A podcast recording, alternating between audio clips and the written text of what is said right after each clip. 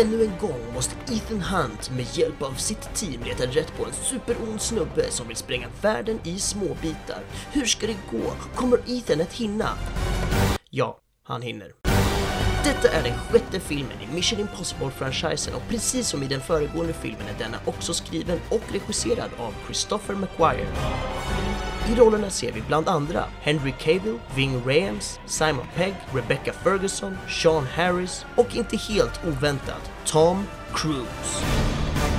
Filmen hade svensk premiär den 3 augusti 2018 och den är 2 timmar och 27 minuter lång med en budget på 178 miljoner dollar och Bafta Film Awards 2019 blev den nominerad för bästa ljud. Idag ska vi prata om Mission Impossible Fallout.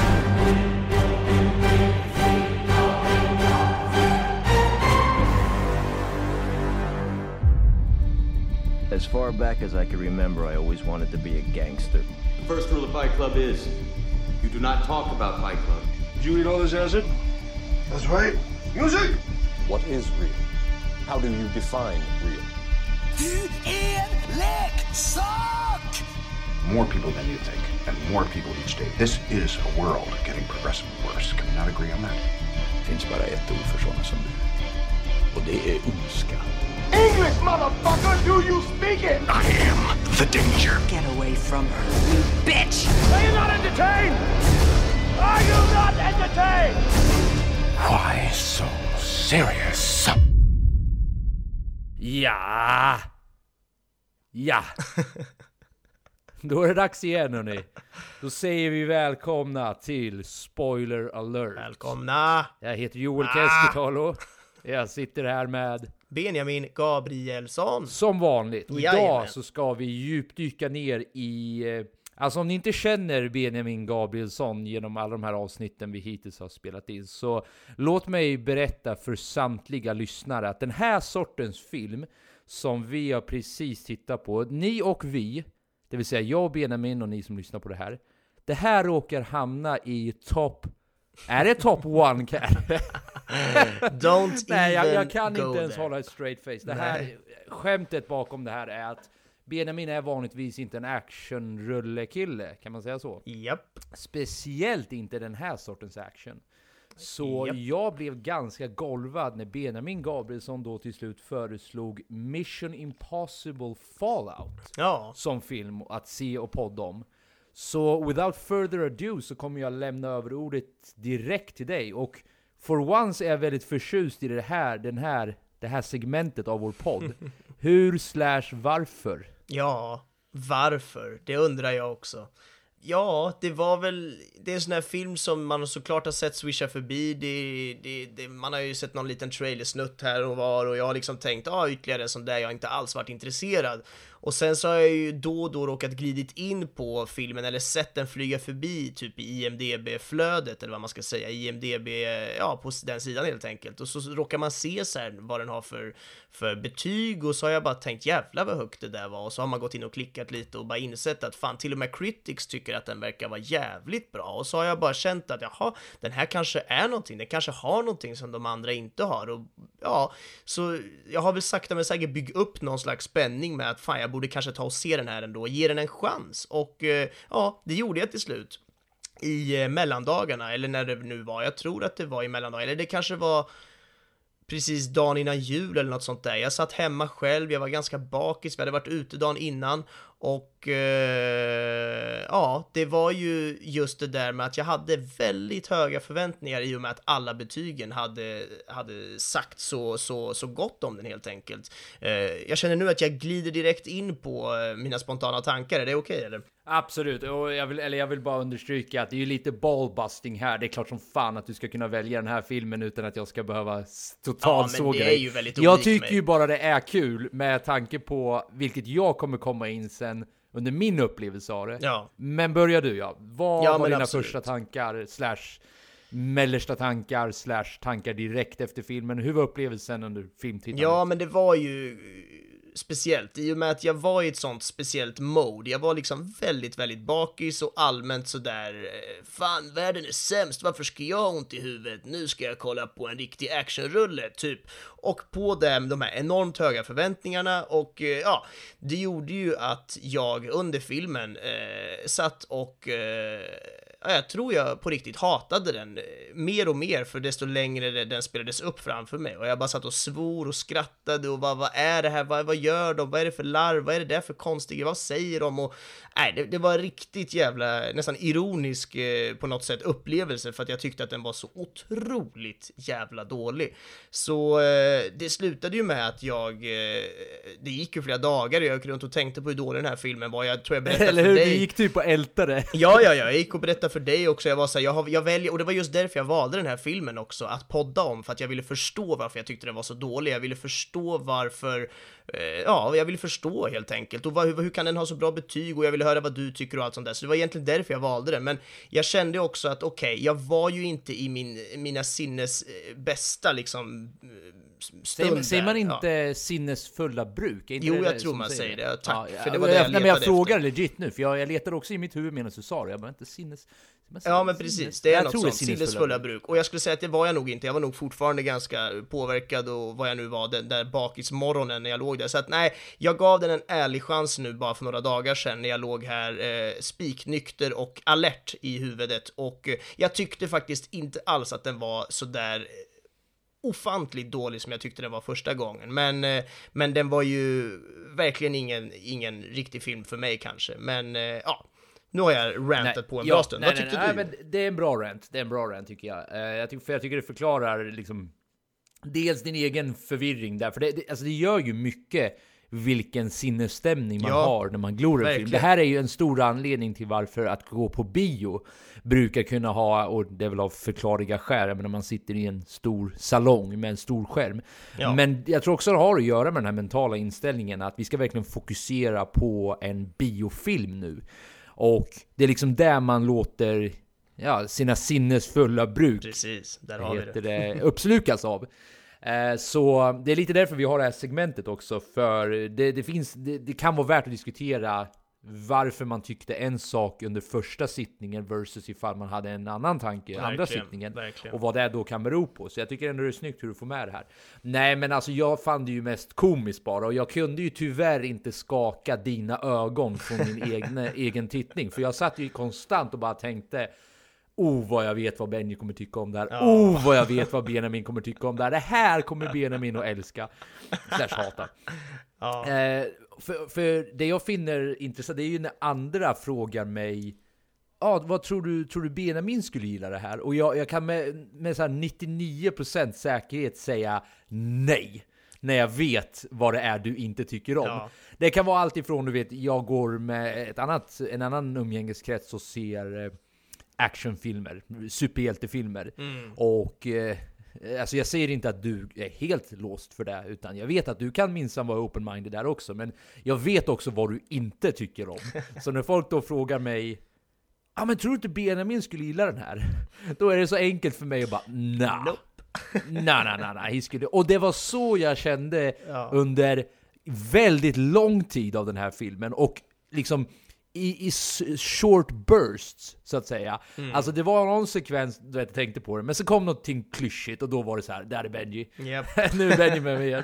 Men bara för att liksom summera upp min lilla rant. Jag har ju ganska enkelt för mig att förstå, och det, det är lite det här vi diskuterar när vi kommer in till själva filmen. Ja. Jag har ganska enkelt att ganska snabbt förstå, okej, den här filmen kommer vara den här sortens film. Och då måste jag ganska snabbt justera min egen inställning. För om jag går in med inställningen att jag letar efter djup eller om jag letar efter intressanta karaktärer eller spänning eller de här grejerna som jag kan förvänta mig i andra sorters filmer.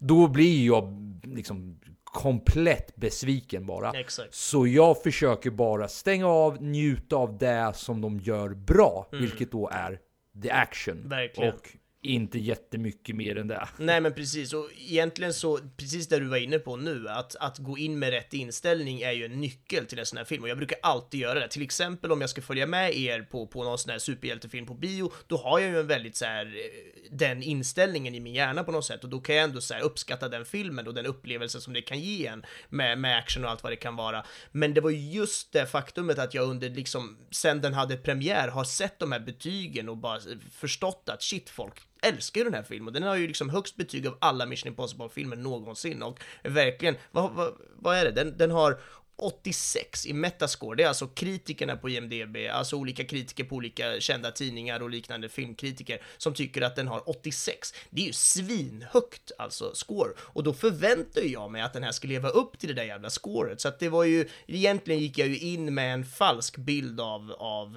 ja, min egen inställning på något sätt. Jag borde ju ha bara blundat för alla de här uh, scoren och, och kritikerna och allt vad det är och, och bara gått in med en egen inställning på att det här kommer vara en vanlig actionrulle som vanligt och då hade jag nog inte blivit lika besviken tror jag. Men då är ju frågan, och eh, jag vet inte hur mycket tid vi kan spendera vid just den här frågan, för det här, det här skulle kunna ta ett helt poddavsnitt. nej. och jag vet inte, det kanske inte slutar med att här gör det. filmen. Nej, förlåt. Nej, kanske det inte är. Men, men fråga, jag, det jag vill, frågan jag ställer mig själv är bara att gör den här där den ska göra bra och är det då där den ska göra, det vill säga formen eller liksom kategorin, genren den här filmen landar i, som du och jag har problem Mm. med. Eller är det så att det är en actionrulle som förtjänar att liksom värderas precis som alla andra som hamnar under action-genren, så som District 9, så som Interstellar, så som Inshep- Nu vet jag att det är liksom heavy rollers, de jag nyss nämnde. Men tittar du under liksom kategorierna den här hamnar i, vilket är action, det är thriller, det är drama och du vet. Och letar du där, då, hit, då dyker ju de här filmerna upp till slut. Så då är frågan, är det rättvist att ha samma sorts glasögon på sig som när man tittar typ The Incep- eller Inception? Nej, som man tittar den här? inte- Eller måste man snarare lägga den i rätt fack och säga att de här går för någonting helt Ja, annat? det måste man ju. Man får inte glömma bort, tycker jag, att det här är liksom sjätte filmen i en jättestor action-franchise som är byggd på Tom Cruise som ska springa fort och hoppa på hus basically. Alltså, man får inte glömma bort vad det egentligen är i sin renaste form. En sån här klassisk, riktig action, amerikansk actionrulle. Det är väl ändå det man får klassa det som. För visst, man kan väga den mot andra filmer som också har beteckningen action i sin, sin genre. Men egentligen så räcker det ju med att det finns en fighting-scen i en film så kommer den ha den där lilla texten action under sig. Medan filmen egentligen kan vara baserad på liksom tusen andra saker som är mer värda att lyfta fram. Medan den här är ju pure motherfucking action. Så att den här ska ju, tycker jag, kategoriseras och bedömas utifrån det klassiska liksom actionfilmsgenren helt enkelt. Jag håller helt med dig och jag måste bara innan vi dyker in på filmen så måste jag medge min bias här. Jag har nämligen inte sett någon Mission Impossible-rulle innan den här. Har du sett någon innan? Va? Du har Va? sett allihopa eller? Jag säger Jag det, du är en jävla actionkille at heart. Nej, inte alls, men jag tänker det här är sådana filmer man ser, man har nästan ingen val. Man ser jag dem antingen för att jag- man råkar gå förbi den, höll jag på att säga. Men alltså du vet, det är såna filmer som bara, oj, den går på tv, eller oj, man, man kollar med någon kompis, eller det är såna, ja, jag, jag är förvånad, du har alltså inte sett en enda? Är Nej, jag är allvarlig och jag tror... Men då kan ju du knappt ha fattat filmen. Alltså så här, jag har ju sett bits and pieces av många av dem growing up. För det är som du säger, man kan ju inte undgå dem utan att någon gång slå på Nej. någonting. Men jag har aldrig aktivt satt mig ner och sagt okej, jag ska se Mission Impossible. Så jag har liksom ingen aning om vad the overall story Alltså med alla de här jävla omöjliga uppdragen är. Och jag tror mycket av det här berodde på att jag var extremt intresserad av James Bond när jag var mindre. Eh, det är någonting jag inte pratat med dig väldigt mycket om, men jag hade en ganska stor fascination för Ja, roligt. många Mm. James Bond-filmer. Och jag ska absolut inte heller rita upp det som att jag är värsta, du vet såhär, ah, jag såg alla de äldre James Bond-filmerna. För så var det inte heller, jag såg ju de som var mest aktuella just då. Men jag tror jag gick väldigt mycket åt det hållet, snarare än Ja. Mission Impossible-hållet. Om det nu är en liksom giltig Jo, men Mission. Impossible kom ju som någon slags här, kontring mot Bond. Det här skulle vara det nya coola som är bättre och mer modernt än Bond. Jag kommer ihåg när jag hade, jag hade Mission Impossible 2 hade jag på VHS och på den stod det, du vet, så här, som någon kritiker som har sagt inom, med, med quotes, liksom i, som ett citat, så stod det bättre än Bond, stod det på den VHS-fodralet. Så jag menar, det är ju verkligen jämförbart eh, på det sättet. Ja, och eh, för det var där jag satt och tänkte också flera gånger när jag såg den här filmen. Att det här är basically James Bond fast du vet, det råkar vara Tom Cruise. och en Ja. större ensemble. Eller ja, ungefär lika stor ensemble som det brukar vara i en James Bond-film. Men n- nu har vi snackat för mycket omkring filmen, men jag ville bara ge Ja. min bias där direkt i början så att lyssnarna vet vart jag kommer ifrån. Jag är alltså helt blind i vad, vad som har Ja, hänt det tidigare. spännande, det hade jag ingen aning om. Nej, så det är det jag har att gå på. Så att Mm. jag ursäktar på förhand om jag missar tidigare kopplingar, du vet. Saker jag borde ha vetat, karaktärsutvecklingar Om det är någon film. Joel, om det är någon film så är det den här. Det, liksom, det kommer flyga för dig ändå, du kommer greppa det. Jag misstänkte nästan det. Jag misstänkte att det här var liksom ingen, du vet... Ja, nu hittar jag ingen bra franchise bara för det. Men du vet, en franchise där de åtminstone sitter ihop och där det spelar stor roll ifall du har sett ettan och tvåan innan Ja, trean. ja, verkligen. Ja, men precis. Eh, Men okej, vi dyker in i själva, vad heter det, filmen då. Vill du börja? Vad tyckte du? Fanns det några ljuspunkter i allt det här? Och vad tyckte du var bra? Vad tyckte du var dåligt? Så take it away. Ja, men det fanns ju en hel del eh, negativt. här, börjar med, med, med det, men det känns som att jag har så mycket på det så att det är bättre att jag bara betar av det på något sätt. Jag tycker att filmen allmänt är lite rörig. Eh, jag tycker att det kan vara lite svårt att hänga med för att det är så många olika plot twist med olika agenter och det, ja, det kändes som att den var eh, Ja, rörig helt enkelt. Jag vet inte vad du tyckte om det som inte hade så mycket koll på, på franchisen sen innan. Vad, vad kände du om det? Ja, alltså tyckte väl nödvändigtvis inte att den var jätterö... Eller alltså jo, så här, missar du viktiga sekvenser, då var det ganska svårt sen att förstå vart du var på väg, det märkte jag. Eh, men jag hängde ändå med ganska bra på... Alltså det är en väldigt fast-paced handling, det är det. De liksom far från olika platser i världen liksom under några minuter bara. Ja. Och eh, som sagt, hänger, det, det är lite otydligt ibland vad typ the overall mission är. Alltså de förklarar ju flera gånger, det har med nuclear power hit och dit att göra, det är någon jävla revolutionary thing som ska göra ditten och datten. Men det som jag hela tiden slås av i såna här filmer, det är att allt det där är bara, för mig är det bara fucking nonsense ärligt talat. Ni kan gagga hur mycket ni vill, jag väntar ändå bara på nästa actionscen. Ja. Eh, och det är för att jag har, jag, jag kanske låter pessimistisk nu, men jag har den här ganska entydiga bilden av, alltså jag, jag vet vad jag kommer få. Jag, jag, jag får känslan ganska tidigt av vad det här är för sorts film. Karaktärerna kommer inte att vara intressanta, ärligt talat. Och de kommer heller inte vara emotionellt viktiga så till den graden att dör de så bryr jag mig. För de som är så viktiga, de dör ändå inte. Du vet, de- de dödade hans eh, kollega, men och nu kommer min bias in här igen, att jag har ju inte sett dem tidigare, så det, den scenen kanske var menad som värsta emotional punchline. Ja. Där kan jag i så fall respektfullt backa och säga fair enough, jag har inte sett de kopplingarna, så obviously kan inte jag förstå hur djupt den är där. Men resten av filmen, då sitter jag bara och är ganska oengagerad. Jag bryr mig ärligt talat inte vad som händer de här. För, det, för egentligen så står det ingenting på spel. Låt oss vara ärliga här.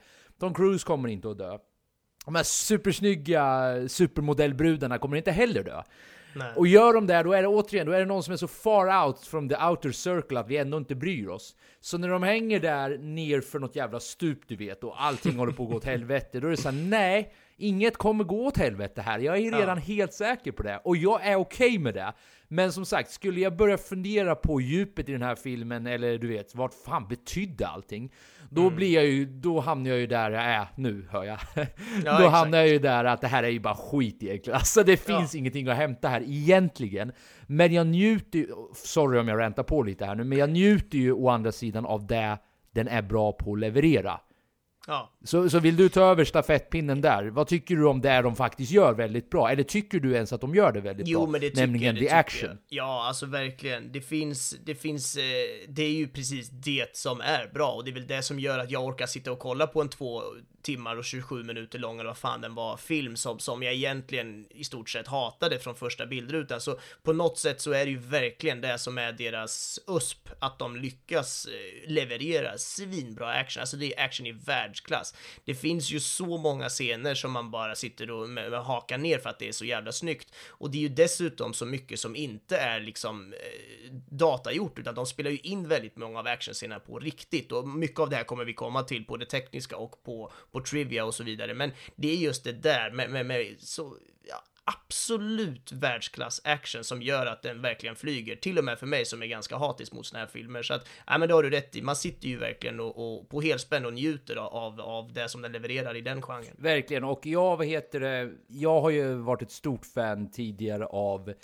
bara för det vet jag inte for sure om det heter så här, men choreography, koreografi, mm. heter det inte så ja. när du utvecklar kroppsrörelser, danser, du vet, så här, slagsmål ja. och liknande.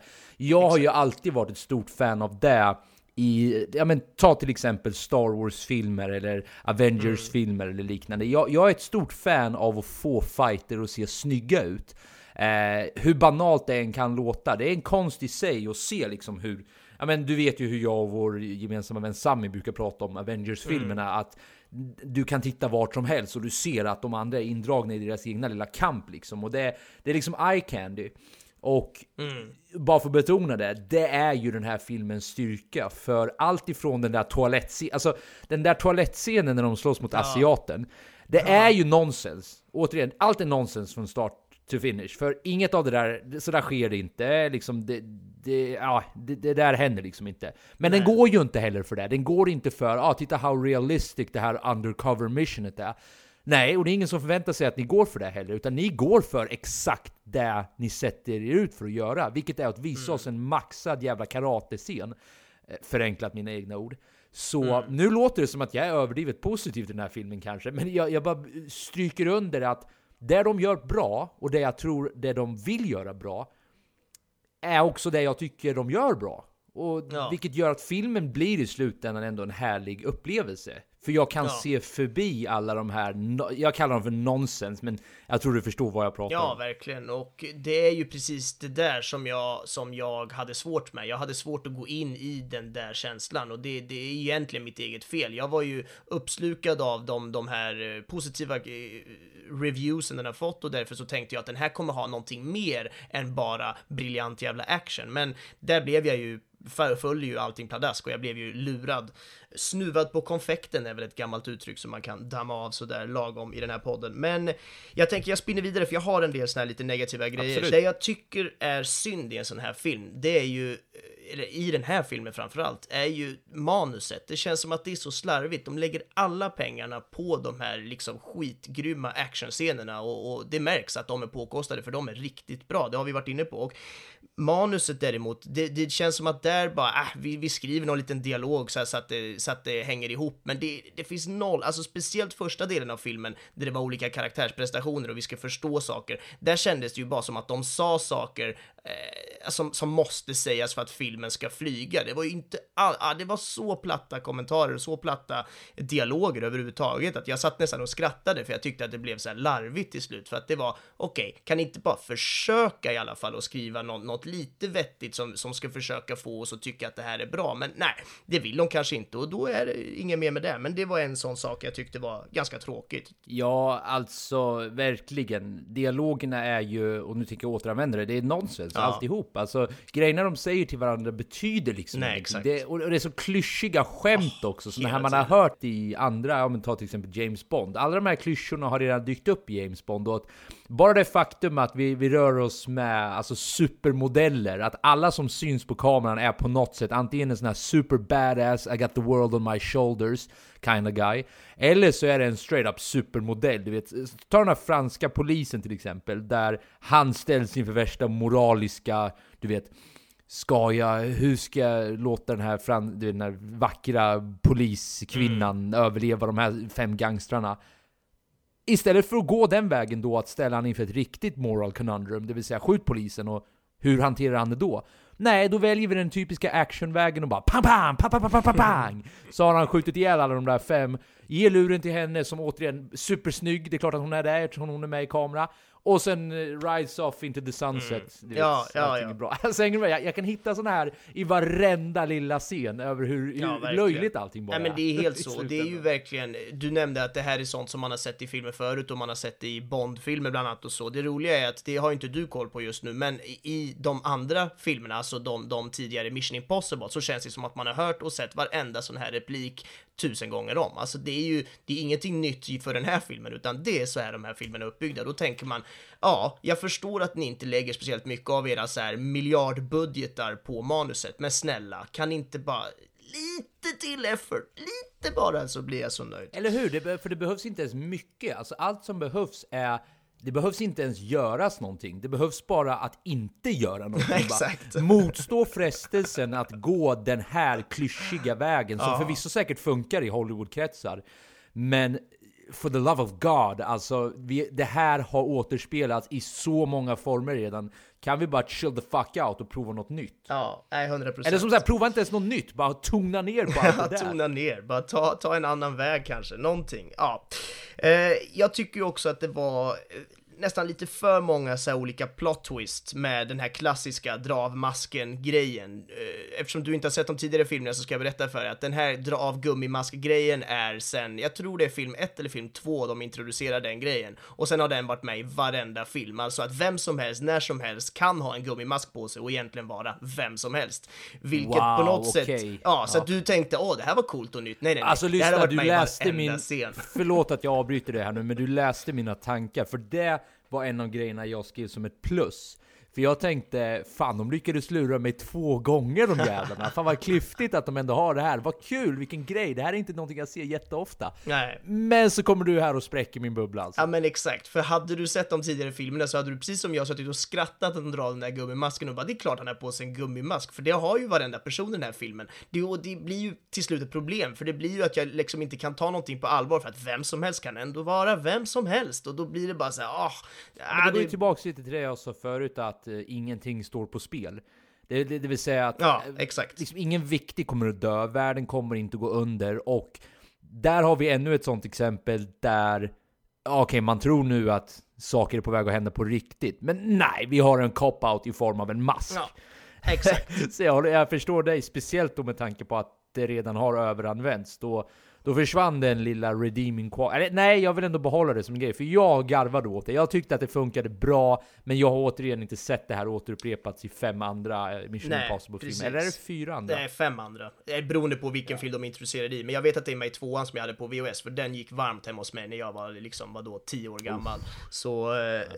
Det, det blir ju lite tråkigt när det är den klassiska grejen som kommer om och om igen, för det blir ju som att de, de vill göra en cool plot twist, men det blir ju inte det i och med att de använder det här samma gamla knepet. Det, du kan liksom inte använda, vad är det de säger i de här eh, Oceans-filmerna när de ska råna en bank? You can never do the same job twice. Det är lite så jag känner med det här. Liksom släpp gummigrejsmasken, det har vi sett nu. Du kan inte köra den i varje film, för då blir det inte en grej längre. Så att, ja, lite så kände jag. Han, eh, Walker, alltså den, den nya agenten som ska hjälpa eh, Ethan Hunt på det här uppdraget och dessutom visar sig vara såklart bad guy. Eh, jag tyckte att det var lite, jag kanske missar någonting, eller så bara tyckte jag att det var intressant, eh, eh, kanske, att Fast han då blir lurad mot, eh, ja men mot slutet får man väl ändå säga, när de är i den här konstiga källaren och de sätter på masken på han Benji som blir då samma som den här bad guyen och sen så då ska... ska Menar du Solomon Lane som är the bad precis. guy? När, när han då är ensam med honom, för Tom Cruise som andra har sprungit iväg och litar då fortfarande på den här Walker som han, som han då heter i filmen. Eh, ja, då, då, då blir ju han lurad och det där är egentligen Benji, det var inte han bad guyen och det blir en sån plot twist grej. Och då sen då när det kommer massa soldater från, från MI6 eh, hö- högkvarteret och, och börjar så här eh, rikta vapen mot alla, då har han ändå i Bland de soldaterna har han då egna soldater som han har beordrat som ska säga skjut nu. Det betyder att han i så fall, vadå, han visste redan att det skulle bli en plot twist. Han visste att han skulle bli lurad och spela med på att bli lurad. Eller vadå? Jag, jag, det kan vara jag som missar något, men det känns som att i en i att bli lurad så kan han ändå ha en backup-plan där han lurar dem sen. Det kändes som att okej, okay, wait a minute. Jag, jag, återigen, kan vara jag som missar saker för att jag inte bara är med på allt, men det kändes ändå så här lite för bra för att vara sant att han skulle Lite kunna... för Ja, convenient. lite för convenient att han ska kunna lura folk efter att han själv har blivit lurad, fast det ingår i den lurade planen på något sätt. Nej, jag vet inte. Det var bara rörigt och eh, skumt. Någonting, antingen Ja. jag är dum eller så är filmen dum. Jag vet inte. Nej men du har rätt, det var en liten rör, rörande, inte rörande som i emotionellt rörande, Rörig. men det var, det var rörigt. Ja. eh, Just den där sekvensen. Jag ska vara helt ärlig, jag tänkte inte så jättemycket på det, vilket går tillbaks till att jag det är klart att det här skulle hända. Alltså, Ja. jag, jag, var, jag var varken förvånad, besviken, glad, ledsen. Jag var bara just take me along for the ride. Ja, jag bryr mig inte så mycket. precis. Men jag, jag kan inte hela... Jag, på, på ett sätt är det, men jag kan inte avfärda allting som bara ah, jag brydde mig inte.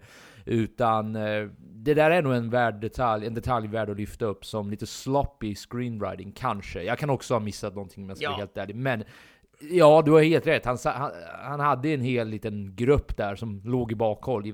de, kanske, de kanske var så här förberedda på vad som helst, men ja, who knows? Ja, vem vet. Ehm, ja, men som du var inne på så är det så många små såna här irriterande saker som man bara känner att det här är så det är bara fel, det är overkligt, det är bara konstigt. Hur kan han det där eller varför det där? Och det är bara, det, är- det, filmen kryllar ju av sånt så att jag ska inte ens försöka räkna upp allting, men jag kan ta ett par små exempel. Jag tyckte till exempel att det var konstigt att Tom Cruise, alltså vad heter han, Ethan Hunt, måste förklara då för han som vi precis pratade om, Walker, när de ska hoppa ut ur det här flygplanet eh, i början av filmen, att han måste förklara för honom hur man hoppar fallskärm. Han har ju för fan samma jobb som Ethan Hunt och har varit på såna här uppdrag hur länge som helst. Ingår inte det i deras jävla eh, jobbintervju basically att kunna hoppa fallskärm? Jag tyckte det var en sån här konstig grej. Fan, det behöver man inte förklara för en sån där agent, MI6-agent liksom.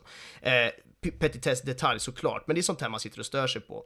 Eh, en av de absolut värsta grejerna med hela filmen, eh, håll i er nu, det är när Benji, inte jag, utan han som heter Benji, eh, helt plötsligt, han är ju då den här tech guy, han och den här andra stora killen, det är ju de två som hjälper Ethan Hunt i alla filmer och eh, ja, du som inte har sett dem, du, de, det här är ju liksom crewet, Ethan Hunt och de här två dudesen och de hjälper Ja, åt men det, det har jag det har till och med förstått, förstått precis. också. så att ja. de två är de två nerdsen som ska hjälpa honom med all, alla tech-grejer och eh, utrustning och liksom de som sitter och pratar med örsnäcka i någon bil någonstans och, och medan Ethan Hunt är ute och gör alla actionuppdrag. Och nu helt plötsligt i den här filmen så, så kan Benji inte ens förstå hur en fucking iPad fungerar. Han sitter där och bara “Aha, vadå, kan man zooma? Aha, jag hade screenlock på, den åt fel håll.” Medan inte håller på och springer runt på hustak och hoppar åt fel håll för att han sitter och snurrar runt på en jävla iPad. Äh, men jag vet inte om jag ska skratta eller gråta när jag såg den scenen. Det, det är så här, vad fan, han har ju varit liksom briljant och tagit fram värsta tech-grejerna, hur så här coola Bond-prylar som helst i, i varenda film och helt plötsligt kan han inte ens vända på en jävla iPad. Nej, då var jag nära på att stänga av filmen. alltså. Wow, ja det där, det där perspektivet kan ju jag inte ens ha eftersom jag har inte bakgrunden mellan allt det här. Men återigen, det är också en detalj värd att lyfta upp. Är, man kanske kan summera upp sådana här detaljer som inconsistencies. Alltså, Ja, de bygger det upp de det. här karaktärerna på ett sätt, men sen när de finner sig själva i situationen att de är uppbyggda för så levererar de inte. Utan tvärtom, det är inte nog med att de levererar, de gör, de gör någonting som är motsatsen mot vad deras karaktär Ja. kan förväntas göra. Precis, och i den här filmen så, så är ju det någon slags comic relief. Det där ju vi tycka är kul som publik, att han bara oj, vadå, kan man zooma på iPad? Jaha, det fanns 3D-läge på och sådär. Det ska man tycka är kul. Det kanske många gör och be my guest, men personligen så tar det ju bara mig ur filmen för att jag känner att ha- hans jobb, han är anställd av världens liksom mest avancerade underrättelsetjänst som är superhemlig. Fattar du hur mycket han tjänar, fattar hur svårt det är, vad farligt det är och då har de anställt en snubbe som inte ens kan vända på en iPad. Nej, men då håller jag på, äh, ja, du hör ju hur, jag ska, jag ska släppa det här. Det är, då man, det är då man vill stänga av och verkligen betona att action är inte din favoritgenre. Eller åtminstone inte den här sortens action. Nej, då vill jag hellre bara se en film där Tom Cruise åker runt på en motorcykel i två timmar, för det hade jag fan blivit gladare av. Men ja, ja. Eh, en annan sån här liten sak är ju eh, att hon, den här White Widow som du nämnde, hon blonda bruden som, som de håller på och hon är väl någon slags mellanhand där med, med hela det här eh, bombgrejen helt enkelt. Eh, när hon står där på någon kaj i Paris och har något litet möte med Tom Cruise så, så helt plötsligt när de ska säga farväl så ska hon kyssa honom. Ja men då känner jag ju bara, vad fan, de har ju haft noll så här sexuell relation, de har ju inte haft någonting. Hon är dessutom en ganska cool brud som verkar ha fett med pengar och värsta entouraget bakom sig och ska göra något cool deal när det handlar om kärnvapen. Varför i hela världen skulle hon få en moment och vilja kyssa Tom Cruise där? Eller förlåt, Ethan Hunt då, för Tom Cruise vill fan ingen kyssa. Nu var jag hård mot stackars Cruise, men det är ju, det är ju personlig bias som du brukar säga, eh, som jag har där, just för att, ja, scientologi och så vidare, det behöver vi inte gå in på. Men det kanske vi borde göra i framtiden då. det kanske vi borde göra i sam- Det framtiden. finns en eh, fascinerande dokumentär som heter Going Clear ifall ni vill veta mer om Wow. det Benji nyss nämnde. Det måste jag kolla på då, uppenbarligen, eftersom jag inte har sett den. Men det låter väldigt spännande. Nej, men jag tycker bara en sån detalj var så larvigt. Hon behöver inte kyssa honom där. Det finns ingenting romantiskt där. Det finns ingenting. Det är bara så här för att han är den coola action-duden och då ska den snygga bruden vilja kyssa honom för att det är det brudar gör i filmer. Ja, fa- för alltså så här, det finns en jag håller med dig till 100% där, men det fanns här en väg man hade kunnat gått med just den kyssscenen. Alltså, Mm. och det kräver återigen lite mer karaktärsuppbyggnad inför den här karaktären. Alltså, jag hade lätt kunnat sett henne som en ganska dominant, lite halvpsykopatisk eh, matriark liksom. Och då Ja. helt plötsligt maker det sense. Vilket hon egentligen tror jag ska vara, men de inte lyckas riktigt framföra Nej, det. för nu känns det snarare som att det, det, det känns nästan konstigt att hon fick det. Alltså visst, det är två ursnygga människor och det är klart ursnygga människor ska kyssas. Eller hur? Det är det de alltid gör när de möter varandra. Ja, på jobbet. men alltså annars går det att dra vad heter det, ganska intressanta riktningar åt så här, ganska dominanta kvinnor. Alltså den sortens karaktär, det är nästan åt kinky-hållet, men det går att göra fascinerande grejer med just den sortens psykopati, om man nu ska gå så långt liksom. Ja. Så jag hade förhoppning om att, ah, okej, there is more, alltså hon, hon är mer badass än liksom, jag, jag hade förhoppning om att det där skulle få någon påbyggnad efter att de hade öppnat upp de Ja. dörrarna. Nu kanske det här är min liksom fallenhet för att övertänka saker, att jag ser allting som tecken på att någonting ska ske. Men det där, den dörren stängdes ju lika fort som den åkte upp, för hon spelar knappt någon roll efter det om jag minns rätt. Nej, precis. Hon är knappt med någonting mer. Det där var ju bara, det var en slags hejdå-kyss snarare i så fall. Nej, men jag håller helt med dig. Det ha- hade, ska man göra det, gör det ordentligt. Gör det på riktigt. Gör det som att hon menar och att det finns någonting i hennes psykopatgrej som, som, som gör att det flyger. Men nu var det ju bara för att hon ska kyssa Tom Cruise för att han är liksom den coola actionhjälten. Så att nej, det, det tyckte jag var svindåligt, eh, rent ut sagt. Eh, en sista grej på de här små, små miniklagomålen som, som filmen kryllar av. Så att egentligen skulle man ju, jag skulle spela in mig själv när jag sitter och tittar på en sån här film. Det hade nog varit ganska underhållande, för det finns ju så mycket jag bara skriker rakt ut åt. Men en sista sån här grej. Reaction video. Ja, exakt. Reaction video på mig. Bara mig också när jag sitter och tittar på det här. Fy fan vad hemskt. Eh, en, en sista grej är ju också, det, det får vi inte glömma bort när vi ändå pratar om Tom Cruise. Han är ju då 1,70 lång.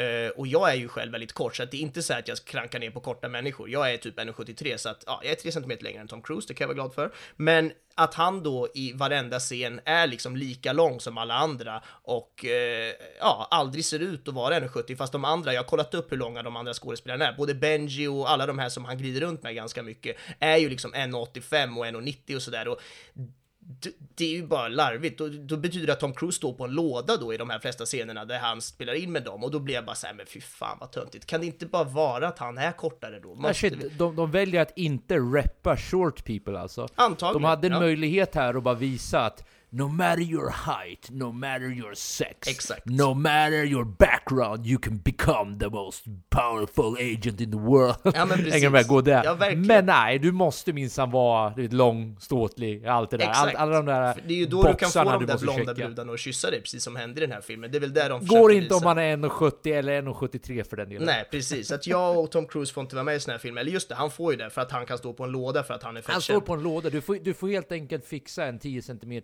låda, eller det kanske räcker med 7 cm.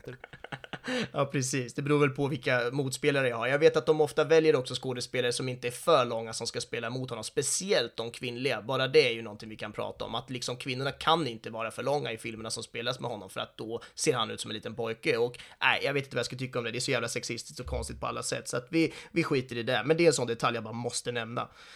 Um, ja, en annan grej jag tyckte var synd, nu är det inte mer så här klagomål om själva filmen, såna här detaljer så, men en annan grej som jag tyckte var synd var ju, precis som vi har pratat om så är det här en franchise, du har ju inte sett så mycket av det tidigare, men det finns ju många så här klassiska eh, moves som är med i de andra filmerna. Eh, till exempel när han åker ner, när Tom Cruise då åker ner mot marken och i någon slags lina och stoppar sig själv precis 5 cm eller 2 cm ovanför markytan. Det är en sån classic grej som har varit med i väldigt många av de tidigare filmerna. Det var inte med i den här. Det kan jag känna är lite uppfriskande. Okej, de, de, de gör något nytt. De tänker att vi ska inte upprepa allt det här om och om igen. Men det var heller inga nya såna här coola grejer, utan allting vi såg har vi sett förut. Gummimasken, motorcykelscener, eh, extrema actionscener, flyga helikopter och så vidare och så vidare. Så att det, det kändes bara som att ja, det saknades den här nya grejen som var unikt för just den här filmen. Det tyckte jag de kunde ha släckt in.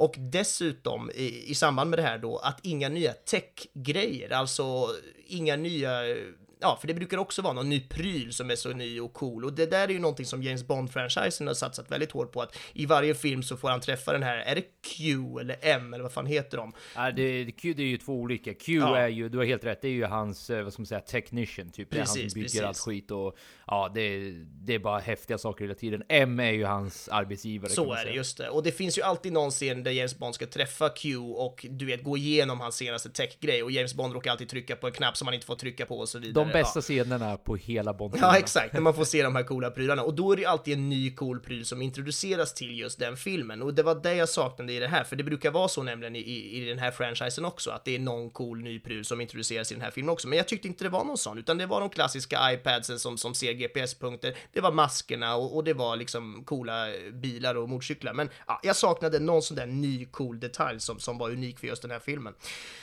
Nu, Joel, har jag rantat klart om allt skit och jag tror mig, jag hade kunnat prata dubbelt så länge, men jag, jag antar att det inte är underhållande nog att lyssna på i flera timmar, så att ja. Nej, och grejen är att jag har försökt slänga in en minikommentar kring varje lilla störningsmoment du har lyft upp här. Men dels tyckte jag att jag, alltså jag har inte mycket att tillägga ärligt talat. Jag, och som du säger, jag tror inte att eh, det finns mer underhållningsvärde i vad jag potentiellt skulle kunna lägga till. Alltså det jag dock vill lyfta upp lite är att jag tyckte stundtals att filmen var väldigt rolig, måste jag säga. Och det, det kanske är en symptom av att alltså det, det är delvis roligt för att jag personligen tycker inte att det är så jättebra. Men det var, jag tycker de hade legit humor många gånger faktiskt. Jag tycker kemin mellan Ving Rams, ursäkta om jag uttalar efternamnet fel, och Simon Pegg, det vill säga Luther och Benji. Det är ju hans, hans boys, ja. Exakt, ja, hans boys. Jag tycker kemin mellan de två och mellan de två och Cruise var ärligt, det var ganska härligt att titta på måste jag säga. Jag, jag Ja, fann mig själv precis. flera gånger liksom småle över hur vilka så här härliga quips de hade mot varandra och de typ såhär bara ah, det är bara vår stil vet du, det är så här vi gör. Återigen, hade jag sett fem filmer innan det här där de hela tiden enforcar det här, ah, det är bara vår grej vet du, det är inga konstigheter. Då hade jag kanske varit trött, lika trött på det som du verkar vara nu. Men jag fann, jag fann hela deras dynamik väldigt, eh, ja men for lack of a better term, bara rolig helt enkelt. Jag satt flera gånger och bara skrattade. Eh, så, så det är en liten eh, redeeming quality jag ändå har att lyfta upp. Men annars Ja. så, som jag sa tidigare, det är, det, det, det är en ganska löjlig film, ärligt talat. Går du in med seriösa ögon, eller ens semi-seriösa ögon, du behöver inte ens liksom vara filmkritiker eller gör vad, vad det nu är som du och jag pysslar med. Ja. För att ändå känna att, ja, alltså jag vet inte. Det, det räcker typ där. Alltså det där behövde ni inte. Ja men precis, för det där du nämnde där att man, man ändå är liksom beredd på det här konceptet. Vi har varit inne på det, man är beredd på det här och jag var ju inte det i och med att den var så högt ratad, för då tänker jag att den här går utanför ramen av de vanliga actionrullarna. Den här har ju så mycket högre betyg än någon av de andra Mission Impossible-filmerna. Ändå sitter jag och tänker att det här är exakt samma Mission Impossible-film jag har sett liksom tio gånger om. Så att, äh, det var väl det jag blev besviken på, att jag hade för höga förväntningar och trodde att jag skulle leverera någonting, leverera någonting Därför- annat. Jag måste dock säga att jag är lite förvånad över att du blev så tagen av betyg. För om det är någon jag känner som är ganska noggrant med att inte bli tagen av betyg så är det ju du.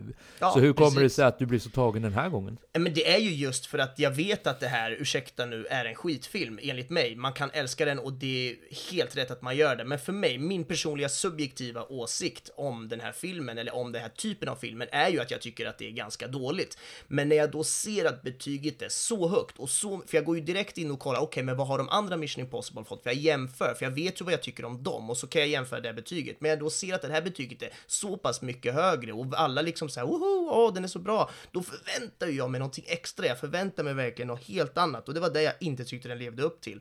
De här, det finns ju ett annat exempel på, på såna här liknande franchises. Det finns ju den här Born Born Identity, Born Supremacy, Born Ultimatum-franchisen. Det är ju tre filmer där, alltså de tre första med, med eh, Matt Damon som är typ liknande såna här filmer. En, någon slags agent som gör massa actiongrejer och de tre är ju faktiskt riktigt bra. Speciellt den sista där av de tre, alltså Ultimatum, där de lyckas med det här lilla extra. Det är extrem spänning, det är ganska bra manus, det är spännande intriger och, och liksom karaktärer och sådär, där, där man faktiskt tycker att det finns ett lager till än bara platt action liksom. Så att det var lite åt det hållet jag förväntade mig att den här filmen skulle gå. Anledningen till att jag inte nämnde de andra filmerna är för att de är gjorda av andra regissörer, alltså Bourne-filmerna. Det är de tre första som jag tycker är the real franchise. Sen har någon annan kommit och försökt mjölka ur ännu mer på, på, på just den franchisen. Men det kan vi lämna därhän.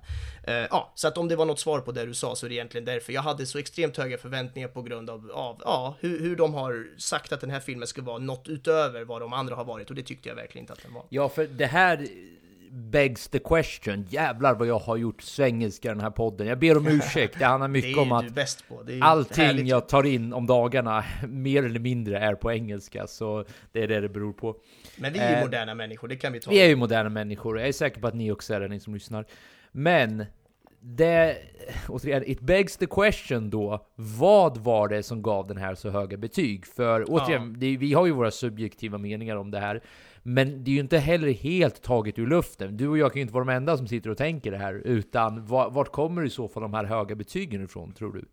Jag, jag tror att det är väl någon slags blandning med att den är väldigt, eh, alltså att actionen är så jävla bra, plus att det är väldigt många plot twist. Och jag tror att väldigt många personer älskar plot twist. Och för att då känner man sig lurad och då känner man att filmen vann, filmen var bättre än vad jag var på något sätt, för jag tror att det är där den vinner på, att den har många plot twist som, som ja, helt enkelt lurar publiken och vilket gör att man gillar den mer, så att det, det är min lilla gissningsspaning bara, att, att många plot twist plus svinbra action blev bättre än de andra filmerna där, där de folk verkar, ja, inte gilla lika mycket helt enkelt. Men jag gissar ju bara, jag vet ju inte. Nej, jag vet ju inte heller. Och jag tycker det var bra det du sa förut, att vi har aldrig hävdat att vi är någonting annat än vad vi är. Det vill säga två filmintresserade dudes med våra subjektiva upplevelser. Så vi är inte kvalificerade att bedöma på en sån djup nivå som att, du vet, såhär, metakritiker eller vad fan man nu säger, gav den här sortens betyg. Vi går bara efter våra egna personliga åsikter ja. och jag ställer mig fortfarande frågande till hur den kan ha så högt betyg för eller nej, det gör jag samtidigt inte. För det finns massa filmer, action, actionrullar, som bara slinker under radarn och som också hamnar på sådana här sjuka. Du vet, man lämnar biosalongen och bara ha, ja den där, det är ju en stark trea om, om något. Alltså du vet, när den av 10 då, då. Och sen kommer man hem och läser, ja, då ligger den också på 8,2, 8,1 eller något sånt där. Och man bara hopp, okej okay, jävlar, antingen missar jag allting nyss eller så är folk dumma i huvudet.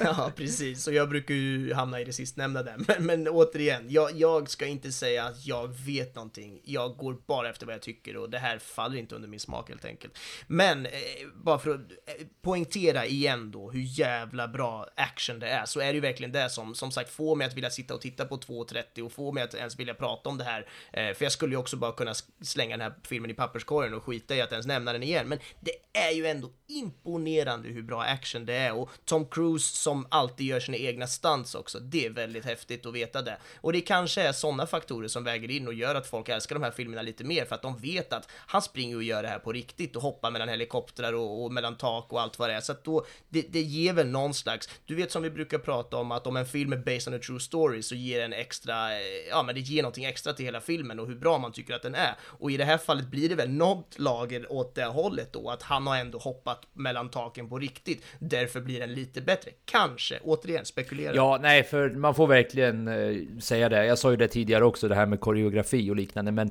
det är mer än så. Det mm. handlar också om bil, biljagarscenerna. Ja, eh, som jag sa, slagsmålet inne på toaletten där, du vet, de åker i en båt och jagar varandra. Det, det, det lever verkligen upp till varför den ligger i action-kategorin. Ja. Så är det. Men ska vi smita över till det tekniska, eller vad tycker du? Det tycker jag.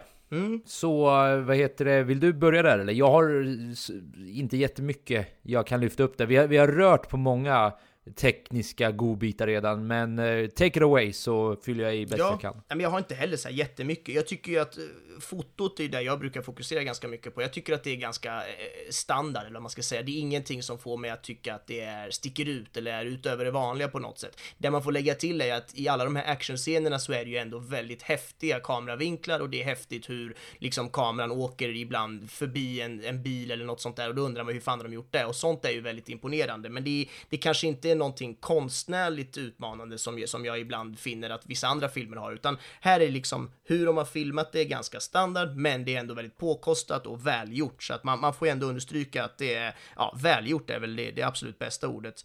Ehm, de har ju lagt på någon slags sån här flare-effekt. Ehm, det vill säga att det ser ut som att när de, när de filmar när det är lampor med i bild så liksom speglas lampljuset på något konstigt sätt i kameran. Som att man skulle få solsken in i kameran, då brukar det bli en sån här flare, vad heter det? Inslag i kameran kanske det heter, något sånt på svenska. Och eh, ja, jag tyckte den effekten var riktigt tråkig och bara så här, varför har ni den i varenda scen? Det ska se ut som att ni har något slags filter på, eller ja, jag vet inte, jag bara gillade inte det alls och tog mig ur filmen mer än vad det tog mig in i den, för att det betyder ju på något sätt att du markerar ännu mer att här är det en kamera som just nu får en lampa som lyser in i den och jag vill ju inte veta om att jag är en kamera, jag vill ju veta, jag vill ju bara vara i filmen, så att äh, jag tyckte den effekten var ganska eh, tråkig och, och felplacerad helt enkelt. Ehm, jag tycker att ljudläggningen är svinbra och det är ju viktigt i såna här filmer. Eh, ljudläggningen gör ju att en sån här film verkligen blir det där lilla extra. När, när, när du dessutom ser saker som swishar förbi och åker och grejer så måste det ju vara perfekt eh, ljudläggning som, som verkligen funkar och lyfter fram all den här actionen ännu mer.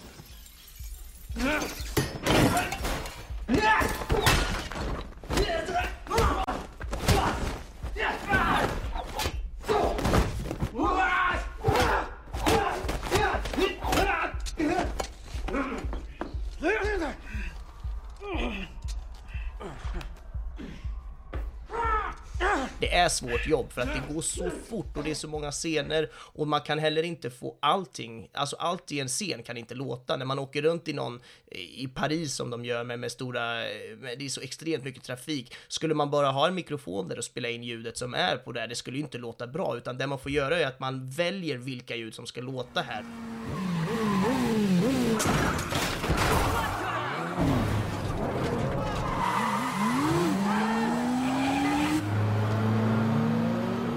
Vissa ljud precis när de åker förbi. Han åker motorcykel genom en tunnel där och det swishar så här från de här stolparna.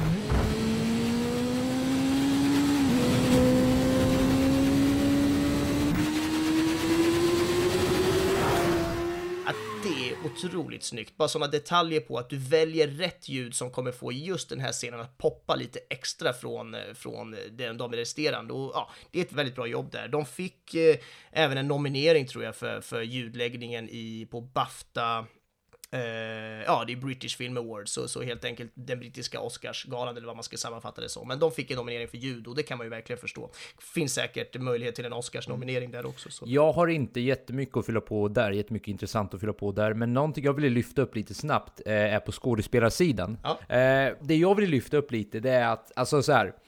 Tom Cruise är, det, det är precis så där jag ser Tom Cruise. Alltså han är för mig den karaktären han spelar, plus lite scientologi-skit vi kan, vi kan prata om i ett senare tillfälle. Men jag tycker alla karaktärer är väldigt stereotypiska för just den här sortens film. Jag nämnde förvisso lite om Ving Rams och Simon Pegg och deras kemi med eh, med Tom Cruise, eller framförallt mellan just de två. Men annars tycker jag ju att, samma sak här, det är nonsens allting. All, allting det blir så, dialogerna är så pass klyschiga och så typiskt skrivna för just den här sortens rulle att de blir ju inte trovärdiga och är de inte trovärdiga, för mig är det då inte bra Nej. skådespeleri. Men jag vill heller inte säga att det är dåligt skådespeleri, utan de är där de gör sitt jobb liksom. Men jag vill verkligen lyfta upp Henry Cavill, Cavill som, eh, som är Walker då, den här, hans, eh, vad ska man säga, counterpart. För Henry spelar ju vanligtvis Superman i de här ny, den här nysatsningen på Superman.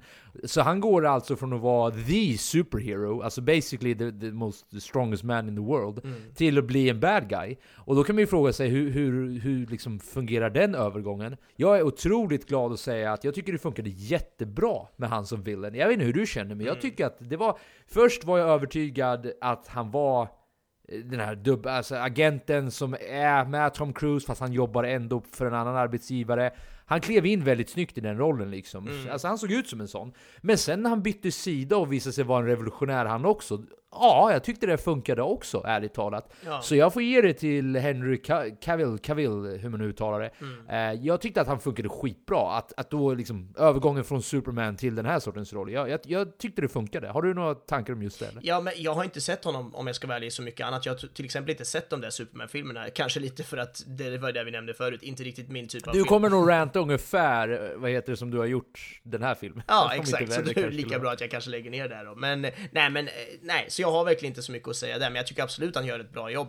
Så är det. Eh, ja, vi har väl inte så mycket mer egentligen på vare sig det tekniska eller filmen överlag, utan vi... Jag tänker vi rör oss mot slutord och favoritscen. Ja. Vill du täcka av slutordet eller ska jag dra en liten kortare rant, en summering på vad jag liten. sagt?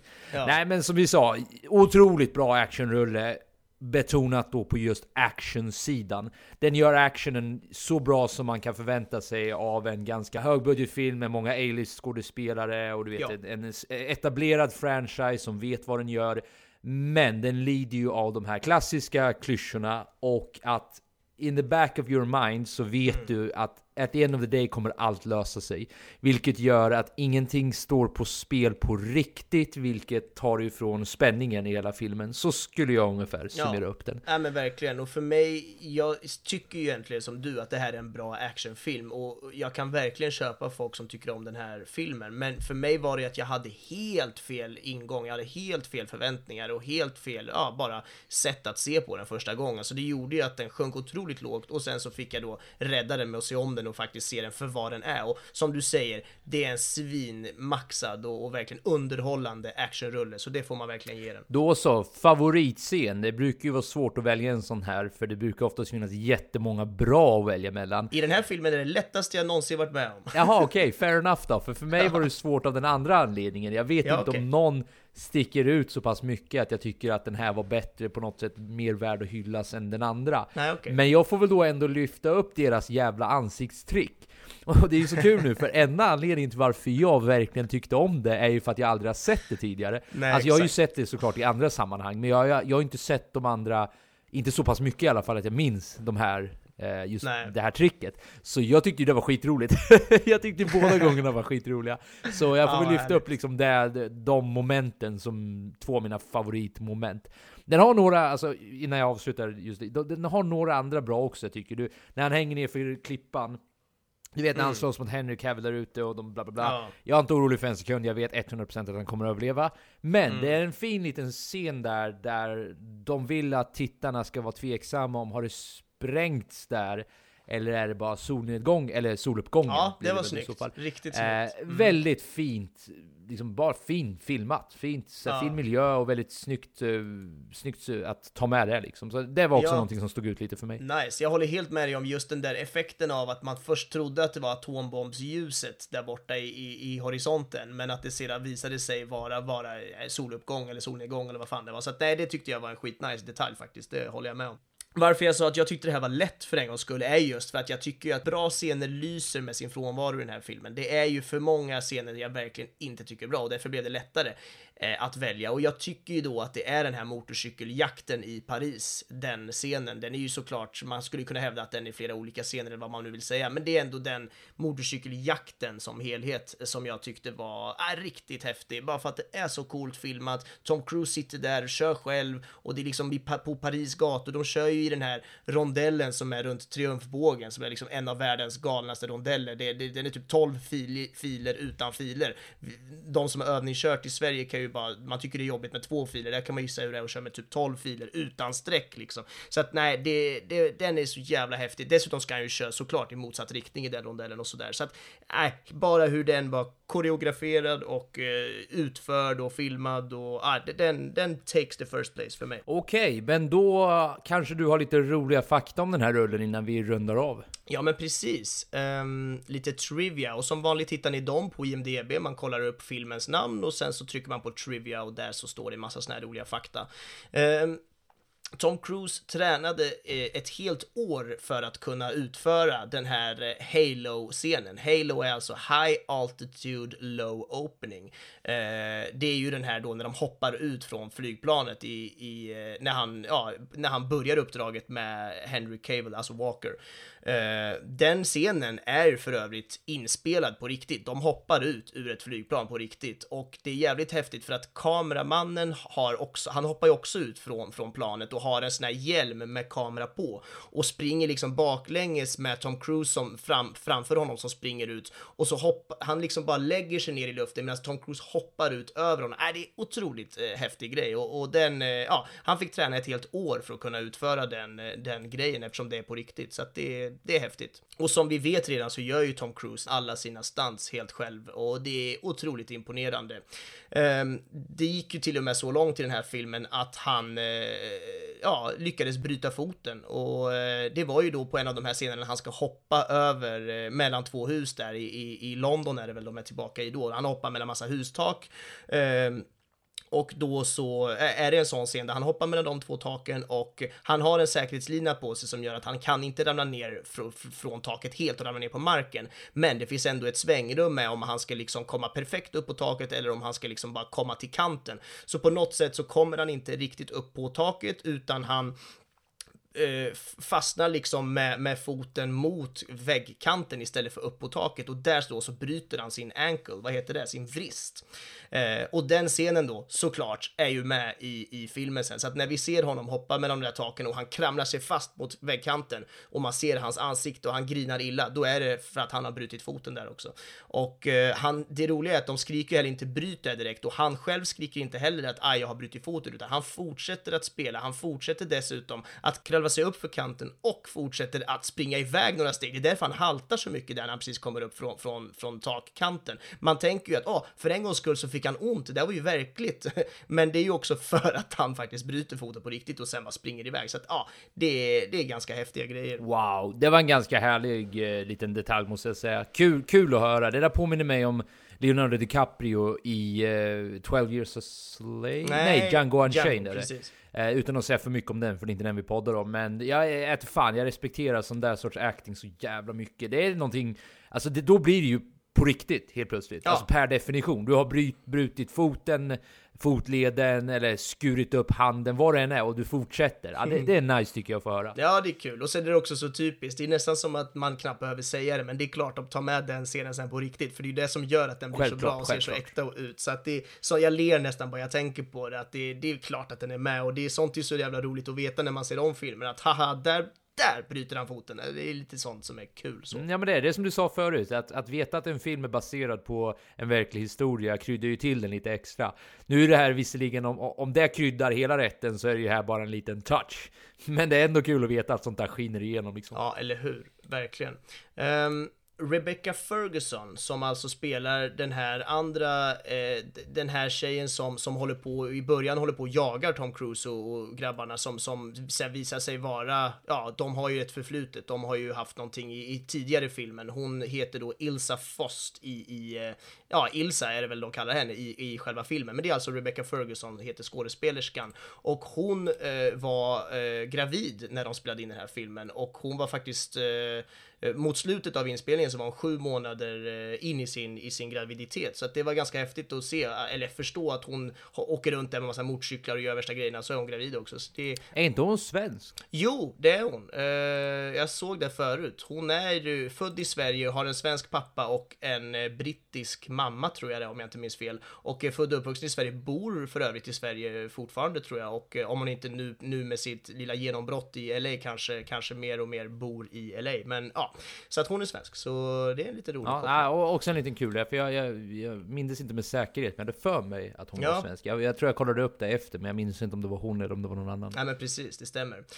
Um, den här badrumsscenen som du nämnde, som vi båda har nämnt, som är så otroligt häftigt koreograferad, den eh, skulle egentligen ta fyra dagar att spela in, men eftersom den var så komplex och så ja, häftiga fight moves så eh, slutade det med att den tog fyra veckor istället att spela in. Hela filmen är egentligen intryckt med såna här olika setbacks, till exempel när Tom Cruise bröt foten som jag var inne på, då tog det ju åtta veckor eller något sånt för honom att läka där och då fick ju hela skiten stanna upp för det är svårt att spela in just den här filmen utan honom, kan man ju förstå varför. Eh, men det var väldigt mycket sådana grejer, det, det står här att den här filmen hade 3000 olika setups, alltså olika ställen de är på. Och den hade 13 helikoptrar, 6 graviditeter, alltså folk i crewet som blev gravida under filminspelningen. Eh, och även fem olika sådana här avbrott under inspelningen där till exempel Tom Cruise bryter foten och det tar liksom extra veckor att göra allting. Och eh, tre olika kontinenter, två vintrar och en bruten fot. Så att det är hur mycket sådana här olika konstiga grejer som har hänt eftersom det är så komplext. Det är så mycket som ska funka. Det är så många personer, det är så många stuntmans och, och ja, det, det, är så mycket som ska funka i en sån här film så att det, man förstår att det blir olika avbrott och liknande han Solomon Lane som är den här villain på, så, som du nämnde, eller vi båda har ju nämnt honom, men ja, som är skurken, storskurken helt enkelt. Det här är den första skurken som är med i mer än en film i hela den här franchisen. Annars har det varit en ny skurk för varje film, men han är med i, eh, i den förra filmen också faktiskt. Den sista då, Tom Cruise och Wing Rams, eller Rams, eh, som är han den här stora tjocka snubben som är hans crew guy då. De två är de enda två som har varit med i alla filmerna. Eh, annars är det ja, det är bara de två helt enkelt. Så det är lite en rolig fun fact om man har följt den franchisen. Så du Joel, du kanske ska gå hem och kolla på alla andra Mission Impossible nu så har du hur kul som helst. Allihopa, alltså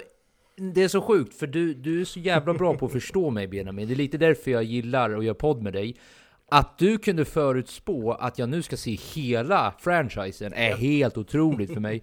Jag är helt så här: wow, okej Benjamin, vi har, nytt en, vi har nått en helt ny nivå på vår vänskap här. Exakt. Alltså alla filmer ligger uppradade här och jag ser så otroligt mycket fram emot att se dem. Det är exakt Precis. vad jag ska göra. Vi Jag tackar för oss, det. hejdå! Snyggt Nej, det ska jag faktiskt inte. Nej, jag jag, ber om ursäkt Och för er som inte hängde med, men jag var minst sagt inte jätteseriös där. Nej, det var Men inte. vad säger du om att seriöst eh, wrap this thing up? Det tycker jag. Det blev en lång idag ändå. Vi brukar alltid säga till varandra vi tror att den här blir kort och så blir den lång ändå. Vi lyckas Det är, inte så, göra det, korta det är så trevligt att snacka med dig helt enkelt. det ju Även så. om det är om tråkiga filmer. Nej, nu lägger vi om. Vi- Vi har redan sagt vad vi tycker. Däremot har vi en grej till att berätta. Ja, Det vi ska berätta också är kommande film. Och nu, nu cuea upp dina traditionella drumrolls här. absolut. Där har vi den. Vi kommer att se Roma. Woho! Roma kommer vi podda om nästa gång. That's right. Får jag The? Roma som alltså då har vunnit två Golden Globes so far. Best Director och Best Motion Picture. Ja. Nu får du vara jobbig om du vill. Ja, men jag, förlåt att jag ska vara lite jobbig, men den är ju faktiskt mexikansk tror jag, så jag, jag tror snarare att det blir Roma istället för Ah, Roma. Det har om du jag ska rätt vara sådär petig. Här, här kommer min engelska bias in ännu en gång. Jag vill uttala allting på engelska. Men Roma kommer vi se tills nästa onsdag. Så Ja. tuna in för det om ni vill ha någonting annat än eh, vad det här precis var. Annat är rätt ord. Det är, jag som redan har sett den filmen, lovar dig, det är den absolut totalaste motsatsen till det vi precis har sett. Det är perfekt, men eh, då tackar vi för oss och så hörs vi nästa vecka. Ja men det gör vi. Ha det så bra allihopa. Ha det gött Hej allihopa! Hej!